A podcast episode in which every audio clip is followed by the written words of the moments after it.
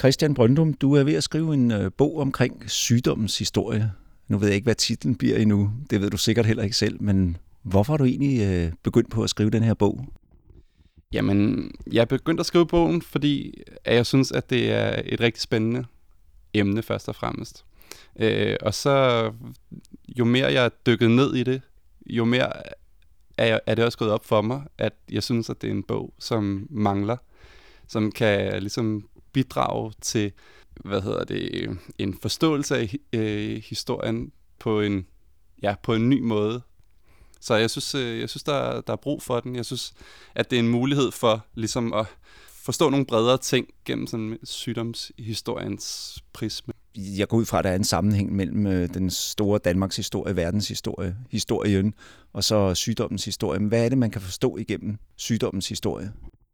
Bogen kommer til at have fokus på europæisk historie og Danmarks historie. Mm. Og øh, det er fordi, at der, der skal laves et øh, snit et sted. Og øh, man kan sige, at øh, inden for den europæiske historie, der, der er der nogle bestemte øh, tendenser og, og ligesom en, en, en udvikling, som er anderledes end den, der sker andre steder i verden i forhold til øh, sygdommens historie. Så det er ligesom for, det er jo et stort projekt på den måde, at vi ser på historien fra antikken og frem.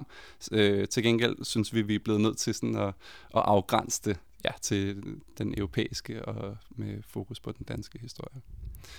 Når du så spørger, hvad det kan bidrage, så har sygdom jo fyldt utroligt meget du kender sikkert nogen, der er, er syge, både i kroppen og måske også, øh, måske øh, øh har du kendskab til nogen, der er, øh, er, er psykisk syge. Til alle tider, også i nutiden, der fylder øh, sygdom jo meget. Tidligere perioder har det fyldt rigtig meget i den forstand, at øh, der har været øh, store, øh, meget dødbringende, tilbagevendende øh, epidemier, som har skyllet ind over øh, landet og, og påvirket rigtig mangens liv.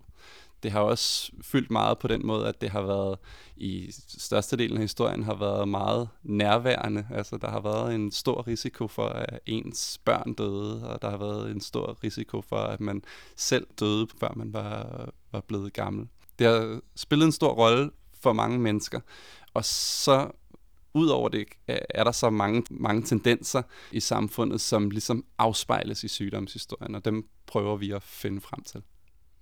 Ja, så man kan sige, at sygdommens historie øh, bliver påvirket af økonomi, religion, men også omvendt. Sygdommen er jo så også med til at påvirke økonomi og religion. Det lyder som et kæmpe projekt.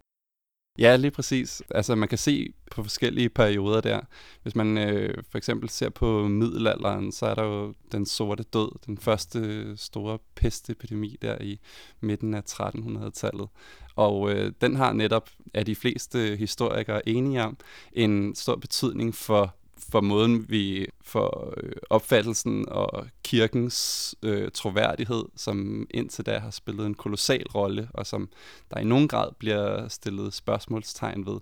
Og den har, sådan, præcis som du siger, også en stor betydning for, for økonomien, fordi øh, på det tidspunkt så bliver øh, mellem en tredjedel og halvdelen af europæisk, øh, den europæiske befolkning simpelthen udryddet. Og derfor, så, hvor der før har været masser af arbejdskraft til rådighed, så ændrer sygdommen ligesom på øh, epidemien, ligesom på det. Øh, og så, øh, så har de tilbageværende, de har faktisk bedre mulighed for både, altså sådan, der er større, kommer større mobilitet i samfundet, de har bedre mulighed for at simpelthen at skabe et bedre liv til dem selv, fordi der er større efterspørgsel på arbejdskraft. Så det er et eksempel. Man kan også se på øh, koleraepidemien midt i øh, 1800-tallet, som har stor indflydelse på den måde, København bliver udbygget og brugkvartererne opstår. Ja, man har blandt andet Brumleby, som er bygget ja, på baggrund af det. Ja, det, det er fuldstændig rigtigt. Ja. Så, øh, så på det tidspunkt har lægerne og lægevidenskaben faktisk en ret stor indflydelse på øh, nogle forhold, der ændrer sig fra, fra København. Der bliver også bygget kommunehospitalet. Der kommer ny kloakering, og man bliver opmærksom på ja, boligforhold, så, som du ser med Brumleby som et forbillede, men også på øh, for eksempel, øh, hvor får man sit vand fra, øh, som øh, indtil da har været sådan, øh, overfladevand fra søer øerne i København, som vi, vi kender dem, og, og, fuld af alt muligt øh, snask, yeah. og let ind til befolkningen gennem den render af, af, af træ. Altså, man danner ligesom, skaber en no, ny stor by, og den bliver og samtidig flettes det selvfølgelig ind i, at flere flytter til byen på det tidspunkt, fordi industrialiseringen øh, er i gang. Så, så det sker. København vokser og bliver altså omdannet i delvist som resultat af de erfaringer, man har fra, fra koleraepidemien der. Så det er et par eksempler på, at, at sygdom og sygdomshistorie ligesom har en indvirkning på, på samfundet. Mm. Det går selvfølgelig også den modsatte vej. Ja. Er det noget med også at både beskrive øh, smitteveje og ja, selvfølgelig medicin? Det kommer du jo nok ikke udenom. Ja, det, det er det. Altså, vi går ikke så meget ind i, øh, vi er historikere mm. øh, og øh, har det fokus. Så øh, man kunne godt skrive en, en bog, hvor man i højere grad ligesom øh, gik ind i det, det biologiske. Og bogen, vil jeg sige, lægger også op til, at man kan have Øh, tværfaglige samarbejde med eksempelvis biologi eller andre fag. Og øh, nej, man kommer selvfølgelig ikke øh, udenom, altså tit hedder den her øh, type, der er jo medicinhistorie. Det er jo, det er jo den øh, sygdomshistorie eller medicinhistorie. Medicinens historie, den vil jo typisk fokusere på sådan den, den lærte. Altså medicinerne, det er jo det er jo de lærte. Øh, man, kalder, man kalder det jo stadigvæk, at man de læser medicin. kommer af, at der er ligesom en udvikling inden for universiteterne, som man kan se. Medicin er et universitetsfag fra Københavns Universitet, åbner der i slut af 1400-tallet. Mm. Men det er kun et sted, hvor der bliver, man beskæftiger sig med med sygdom og medicin. Det, det gør man også mange mange andre steder i samfundet, og hen ad vejen, så kommer der ligesom, der, eller der er til alle tider konkurrerende måder at opfatte øh, og, og forstå sygdom, medicin og behandling på den sorte død kører jo, hvad er det, fra 1347 til 1352, ikke? Kan man sige, kom der nogle nye øh, funktioner i samfundet, som så var med til at kigge på sygdommen? Altså noget med nogle kloge koner? Eller? Ja, altså det er nemlig et sted, øh, den såkaldte folkemedicin, mm. øhm, hvor der er en, altså en type syn på sygdommen og, og behandling, og de bliver jo ofte øh, øh latterliggjort af af den lærte medicin, og øh, fordi det tit har været sådan mundtligt øh, overleveret, og der er ikke blevet skrevet ret meget ned inden for folkemedicinen, så, så ved vi ikke lige så meget om det, som vi ved om den universitære, øh, hvad hedder det, den lærte verden. Når du spørger til, øh, øh, hvad der sker øh, efter den sorte død, så kan man sige, at det er i hvert fald et, det er jo et skridt på, på vejen til, og måske også en, en af, af flere årsager til, at der sker nogle forandringer i samfundet, som fører til det, vi kalder renaissancen. Og i øh, renaissancen, der får man jo et helt nyt videnskabsideal. Og det videnskabsideal, det smitter også i meget høj grad af på øh, lægevidenskaben. Og det første der sker der, det er, at man begynder at interessere sig for mennesket jo i, i renaissancen. Det gør man generelt, og man øh, begynder derfor også at interessere sig for, for kroppen, for kroppens opbygning, dens anatomi og dens funktion, dens øh, fysiologi. Og øh, den store øh, renaissance person inden for, for, øhm, for lægevidenskaben. Det er jo Andreas Vesalius, som udgiver et meget øh, smukt og øh, udførligt øh, illustreret øh, anatomisk øh, atlas i 1543. Mm-hmm. Øh, og der sker også øh, nogle andre ting, men det er sådan et, et tegn på, at vi, vi søger ikke forklaringer om altid inden for sådan, i kirken, så den, den, inden for den religiøse verden. Øh, man begynder også at, at iagtage og erfare og skabe øh, altså viden den vej igennem. Så det øh, kan man sige er endnu et eksempel på, at medicinhistorien i det her tilfælde, sådan den, den lærte historie, den, den afspejler nogle bredere forandringer i, i samfundet. Altså at øh, man dykker simpelthen ned i, i, i kroppen, ligesom man jo også kigger op mod øh, stjernerne og begynder at erkende, at jorden vist alligevel ikke er centrum i universet, men at hvis man kigger på det, så, så ser det lidt anderledes ud. Og det kommer jo så i nogen grad i sådan i kambolage med, med kirkens opfattelse. Både det, at man kigger ind i menneskekroppen og ud mod stjernerne. Der er nye, øh, der er ligesom, der er, der er en ny udvikling på vej. Hvor lang tid den kam- kampolage eller konflikt, der så er imellem, øh, hvad kan man sige, religionen og, og hvad hedder det, øh, øh, sygdomsvidenskaben, hvor lang tid rækker den op i historien? Det er, et, øh, det er et rigtig godt spørgsmål, og ret svært at svare på faktisk. Fordi det er sådan, at på nogle områder, så kan man se, at der sker en stor forandring der øh, i renaissancen. Der er et helt nyt øh, videnskabsideal. Øh, Samtidig så, så kan man sige, øh, Andreas Vesalius og dem, der, der følger, de får en meget stor viden om den døde krop, og om øh, de, øh, de, øh, de dissekerer og finder meget sådan detaljeret ud af, hvordan den ser ud. Men det forplanter sig ikke ligesom i lægevidenskaben. Lægerne på det tidspunkt kan ikke bruge det, øh, at man har en meget bedre forståelse for, den, for, for, for hvordan øh, kroppen er opbygget, mm. til øh, i deres behandling øh, af sygdom. Og derfor øh, så rækker øh, den opfattelse, man har haft af sygdom og behandling helt tilbage fra antikken, og som er, som er levet videre i middelalderen, den fa- rækker faktisk langt øh, ind forbi i renaissancen, ind i, ind i 16 og endda i 1700-tallet. I den forstand, at man for eksempel bliver ved med at overlade og overladning giver mening i antikkens sygdomsbillede, hvor man har den der idé om, at øh, om de fire øh, kropsvæsker, at der skal være en balance der, som afspejler sådan en kosmologisk balance. Med den opfattelse, så kan det give mening, at, at man skal skære hul på en vene i armen og, og, og blive overladt. Det, det giver egentlig ikke særlig god mening i en senere tiders ligesom, teoretiske øh, ramme. Mm. mm. Men man har svært ved at finde noget at sætte i stedet for. Øh, og derfor så bliver øh, måder, man behandler på, de er virkelig overlevelsesdygt. Der går overraskende lang tid, før de forsvinder. Det andet ved det er, er så, at man, øh, man bliver også ved, ved med at være kristne øh, og troende. Mm. Øh, og derfor så i stedet for at man ser sådan et, øh, et bræt skifte fra en religiøs forståelsesramme til en, til en videnskabelig forståelsesramme, så, så er det faktisk en meget gradvis øh, udvikling, hvor videnskaben i 1600-tallet, øh, hvor Københavns Universitets medicinske fakultet faktisk klarer sig ret godt med Thomas Bartolin som sådan hoveddrivkraft i, i første halvdel af 1600 eller midten af 1600-tallet. Men videnskabens rolle er ligesom at, at forklare eller at øh, gøre det tydeligt, at Gud har skabt den her øh, fantastiske verden, inklusiv altså menneskekroppen og menneskekroppens øh, funktioner. Så der er, ikke, der er faktisk ikke et tydeligt skæld mellem en religiøs og en videnskabelig ligesom verdens øh, syn. Det lever side om side i lang tid.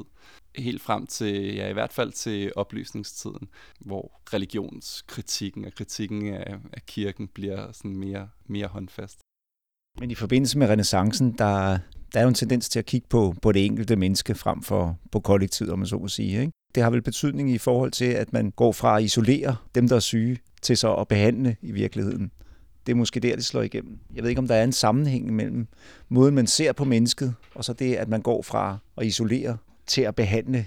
Ja, altså det der med at isolere, det har jo faktisk, øh, det har i hvert fald en anden øh, sjov historie bag sig, fordi mm-hmm. der skal vi op i, øh, man kan sige, hvis, man, hvis vi ser på pestens historie, mm-hmm. så er der jo, øh, er, øh, øh, den sorte død der i midten af, af 1300-tallet jo startskuddet til en 300-400 år, hvor, øh, hvor pesten vender tilbage i perioder med så korte mellemrum som 20 år, mm. øh, og slår øh, oftest omkring en femtedel af befolkningen i det område, den rammer ihjel det er lidt forskelligt, hvor høj frekvensen øh, ligesom er. Mm. Men der er mange pestepidemier, og de er meget dødelige. Så er der en stor pestepidemi i midten af 1600-tallet, og så er den sidste pestepidemi i 1711, øh, som rammer først Helsingør og siden øh, København. Der er altså en 60-årig periode, øh, hvor der ikke har været pest, og det betyder, at øh, befolkningen i Danmark ikke øh, ligesom har en direkte erindring, ligesom man har haft tidligere. Mm. Og så fra 1711, så øh, ser vi ikke pesten i Danmark øh, længere, og i Europa, der er det også i der i begyndelsen af 1700-tallet, man, man ser pesten for sidste gang. Og der er jo forskellige så øh, teorier om, hvorfor pesten bliver udryddet. Mm. Og en af årsagerne til, at det ligesom øh, at det stopper der, det er, at man bliver bevidst om, at pesten smitter fra menneske øh, til menneske, og øh, ikke er Guds straf, øh, eller et resultat af, som man altså, har, har ment siden antikken med miasme-teorien af, at dårlig luft og råden frugt, altså sådan nogle ting. Mm. Så det, at øh, sygdom smitter fra menneske til menneske, det har man en idé om øh, der i, i, øh, i 16-1700-tallet. Og så er der jo så også det, at på det tidspunkt, der er staterne rundt omkring i, i Europa, de, de er blevet mere centraliseret, og øh, centralmagten har fået ligesom et øh, stærkere greb om sin befolkning. Så man er også øh, fra kongen og regeringen i Københavns side bedre i stand til at stille noget op imod øh, pesten på det tidspunkt. Og en af de ting, man gør, det er netop at isolere og opstille ligesom nogle meningsfulde forholdsregler øh, for at øh, for at bekæmpe pesten. Så man kan sige, at, at staten begynder at bekæmpe pesten og gøre det forholdsvis effektivt. Men man kan ikke, man kan ikke sige, at en effektiv behandling af sygdommen kommer jo faktisk først der i anden halvdel af 1800-tallet, mm. hvor man begynder at have simpelthen øh, finder øh, bakterierne i mikroskoper og øh, derigennem erkender øh, endeligt, øh, hvad sygdom er for noget, og hvad årsagen til sygdom er. Jeres historiebog beskæftiger den sig øh, primært med sådan fysiske sygdomme, eller kommer I også ind på psykiatrien? Jamen, det er endnu et godt spørgsmål, synes jeg. Jeg er faktisk øh, lige i gang med at skrive psykiatri-afsnittet til bogen. Øh, og jeg synes, at psykiatrien hører hjemme i, i bogen. Det kan man godt øh, diskutere, øh, fordi det, det er noget andet.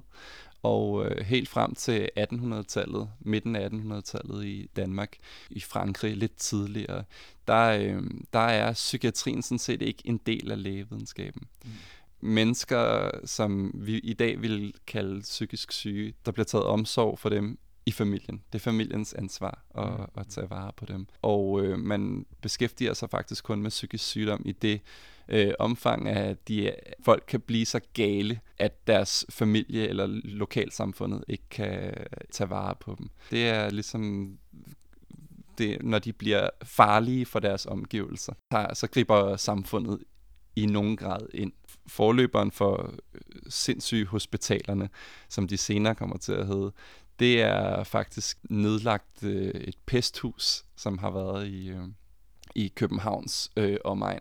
Der har jo været de her, som sagt, tilbagevendende pestepidemier, og man havde brug for at isolere øh, nogle mennesker, og det har man gjort i, øh, ved at lade dem formentlig dø i, i pesthuse. Men så har der jo været lange perioder, hvor øh, de steder øh, ikke havde noget øh, direkte formål. Og der havde man øh, forskellige invalide og fattige og øh, også øh, psykisk syge. Folk, som ikke kunne klare sig selv og, og som man opfattede som uhelbredelige.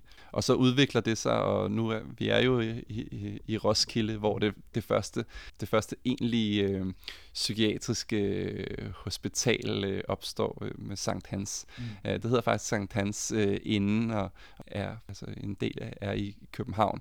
Og, og så flytter det til Bistrup Gård her i, i Roskilde i begyndelsen af 1800-tallet. Og indtil da i hvert fald, der kan man ikke sige, at, at psykisk sygdom, den befinder sig inden for for lægevidenskaben som sådan. Men det sker der så en forandring af der i løbet af første halvdel af, af 1800-tallet, hvor man gør øh, Sankt Hans Hospital i Roskilde til et forbillede for den måde, man skal øh, oprette hvad hedder det, sindssyge hospitaler øh, andre steder i, øh, i landet.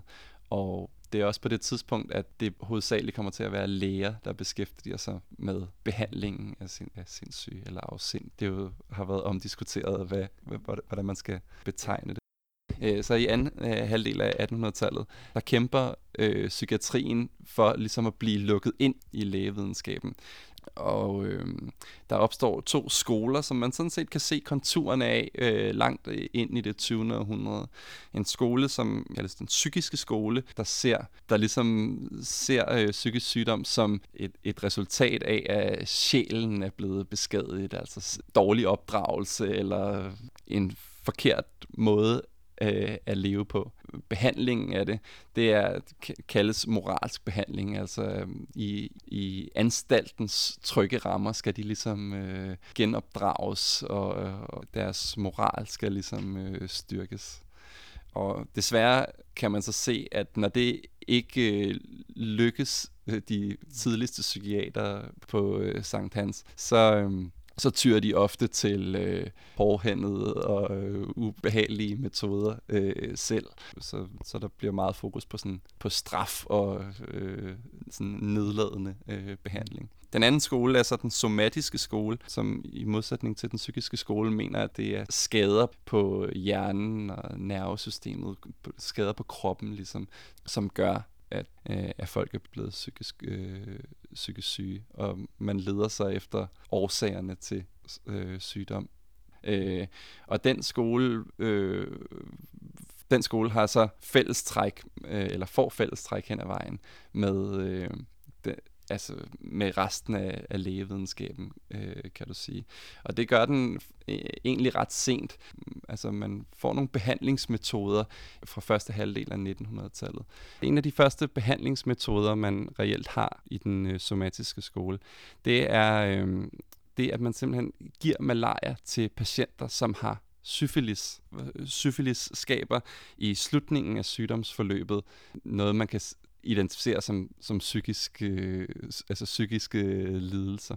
Man finder ud af, at den øh, feber, som malariaen giver, øh, den slår syfilis-bakterien øh, ihjel. Og derfor har man øh, faktisk en, en, en periode, hvor man, hvor man giver malaria til folk, der har... Øh, svære øh, altså symptomer på, på syfilis. Det er det, det første indgreb, man effektiv indgreb, man får. Øh, senere finder man så ud af, at det det er ferien, og så opfinder man sådan nogle, nogle varme kasser, så man ikke behøver en ny sygdom for at slå den mere alvorlige sygdom ned. Men derefter kommer der øh, andre behandlingsformer. Man introducerer øh, øh, elektroschok øh, og insulin, hvad hedder det, insulinschok, hvor man, man bruger det, at folk går i chok, øh, når man får et meget øh, lavt blodsukker, øh, som en del af behandlingen. Og det her, det er i slutningen af 30'erne, så der sker en del ting der øh, begynder man at foretage kirurgiske indgreb. Det, som vi, vi i dag kender som øh, lobotomi, eller det hvide øh, snit. Så kommer der også psykofarmaka, altså medicin imod psykisk sygdomme. Fra, fra 50'erne og frem, der er, bliver medicinen ligesom et nyt øh, middel. Så det, at man får medicin, øh, og man får de her forskellige indgreb, blandt andet også kirurgiske indgreb. Det skaber jo ligesom en, nogle fælles træk med den somatiske del af, af, lægevidenskaben, mm. og gør, at psykiatrien endelig får sin plads i den bredere læge, lægevidenskab. Og så kan man måske sige, at hen over altså de sidste 50 år, der har normalitetsbegrebet jo også været diskuteret, fordi psykiske sygdomme hænger jo også sammen med normalitetsbegrebet. Der er jo nogle øh, sygdomme, som man betegnede som sygdom for 70 år siden, der ikke er sygdom i dag. Homoseksualitet for eksempel. Ikke? Så det hænger vel sammen med et normalitetsbegreb også.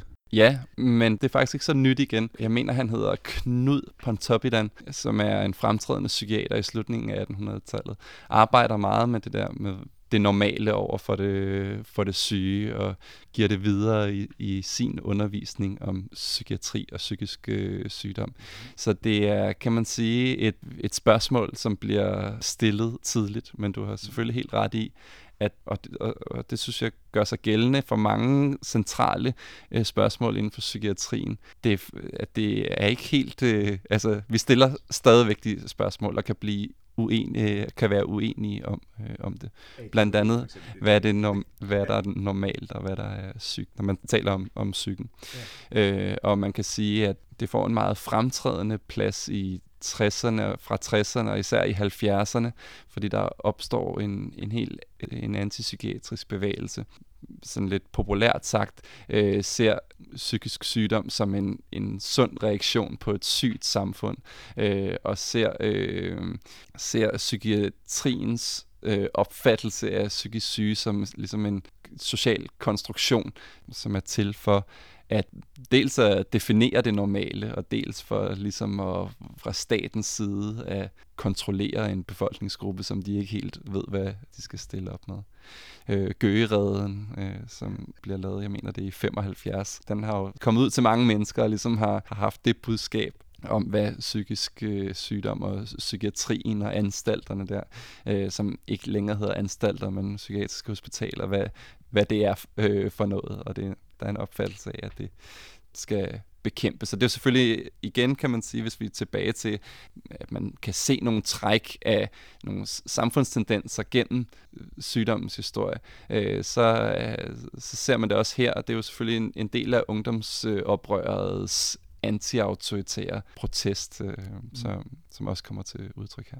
Hvor langt går I tilbage, når I øh, skal beskrive sygdommens historie? Starter I helt tilbage i, i oldtiden? Ja, Hippokrates, som repræsenterer en samling skrifter, der formentlig ikke er skrevet af en, øh, en person, eller helt sikkert ikke er skrevet af en person, men som alligevel har sådan en faderrolle i, øh, i Hippokrates, kan man sige, har nogle øh, meget epokegørende eller nyskabende idéer om sygdom og, og behandling. I det antikke Grækenland, der sker der ligesom noget, der kommer, og det afspejler jo også en bredere tendens i det græske samfund på det tidspunkt, men der er den her videnskabeliggørelse, sådan en, en, en rationel tilgang til mennesket og, og til matematik og astronomi og, al, og naturen og alle mulige andre ting, men altså også til, til sygdom og behandling.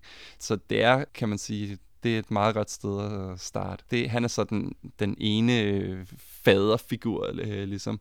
Øh, og den anden, det er så Galen, som øh, med sin viden om kroppen og kroppens anatomi bliver dominerende i tusind år frem.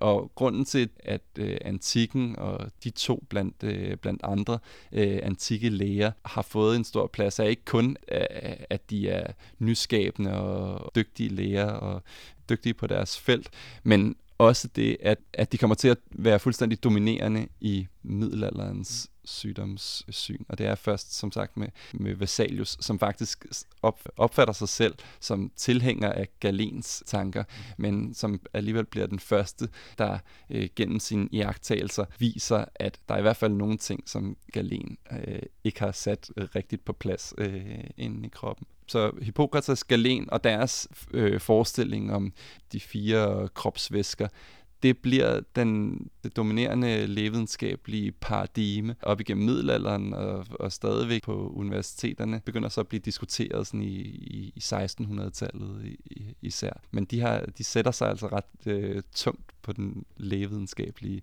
historie af, af den grund. Nu er der jo så skriftlige kilder, som du selv nævner, fra den græske oldtid. Hvad med den danske oldtid? Ved vi noget om det? Der er jo kun levn. Ved vi noget omkring sygdommen i stenalderen, bronzealderen, jernalderen?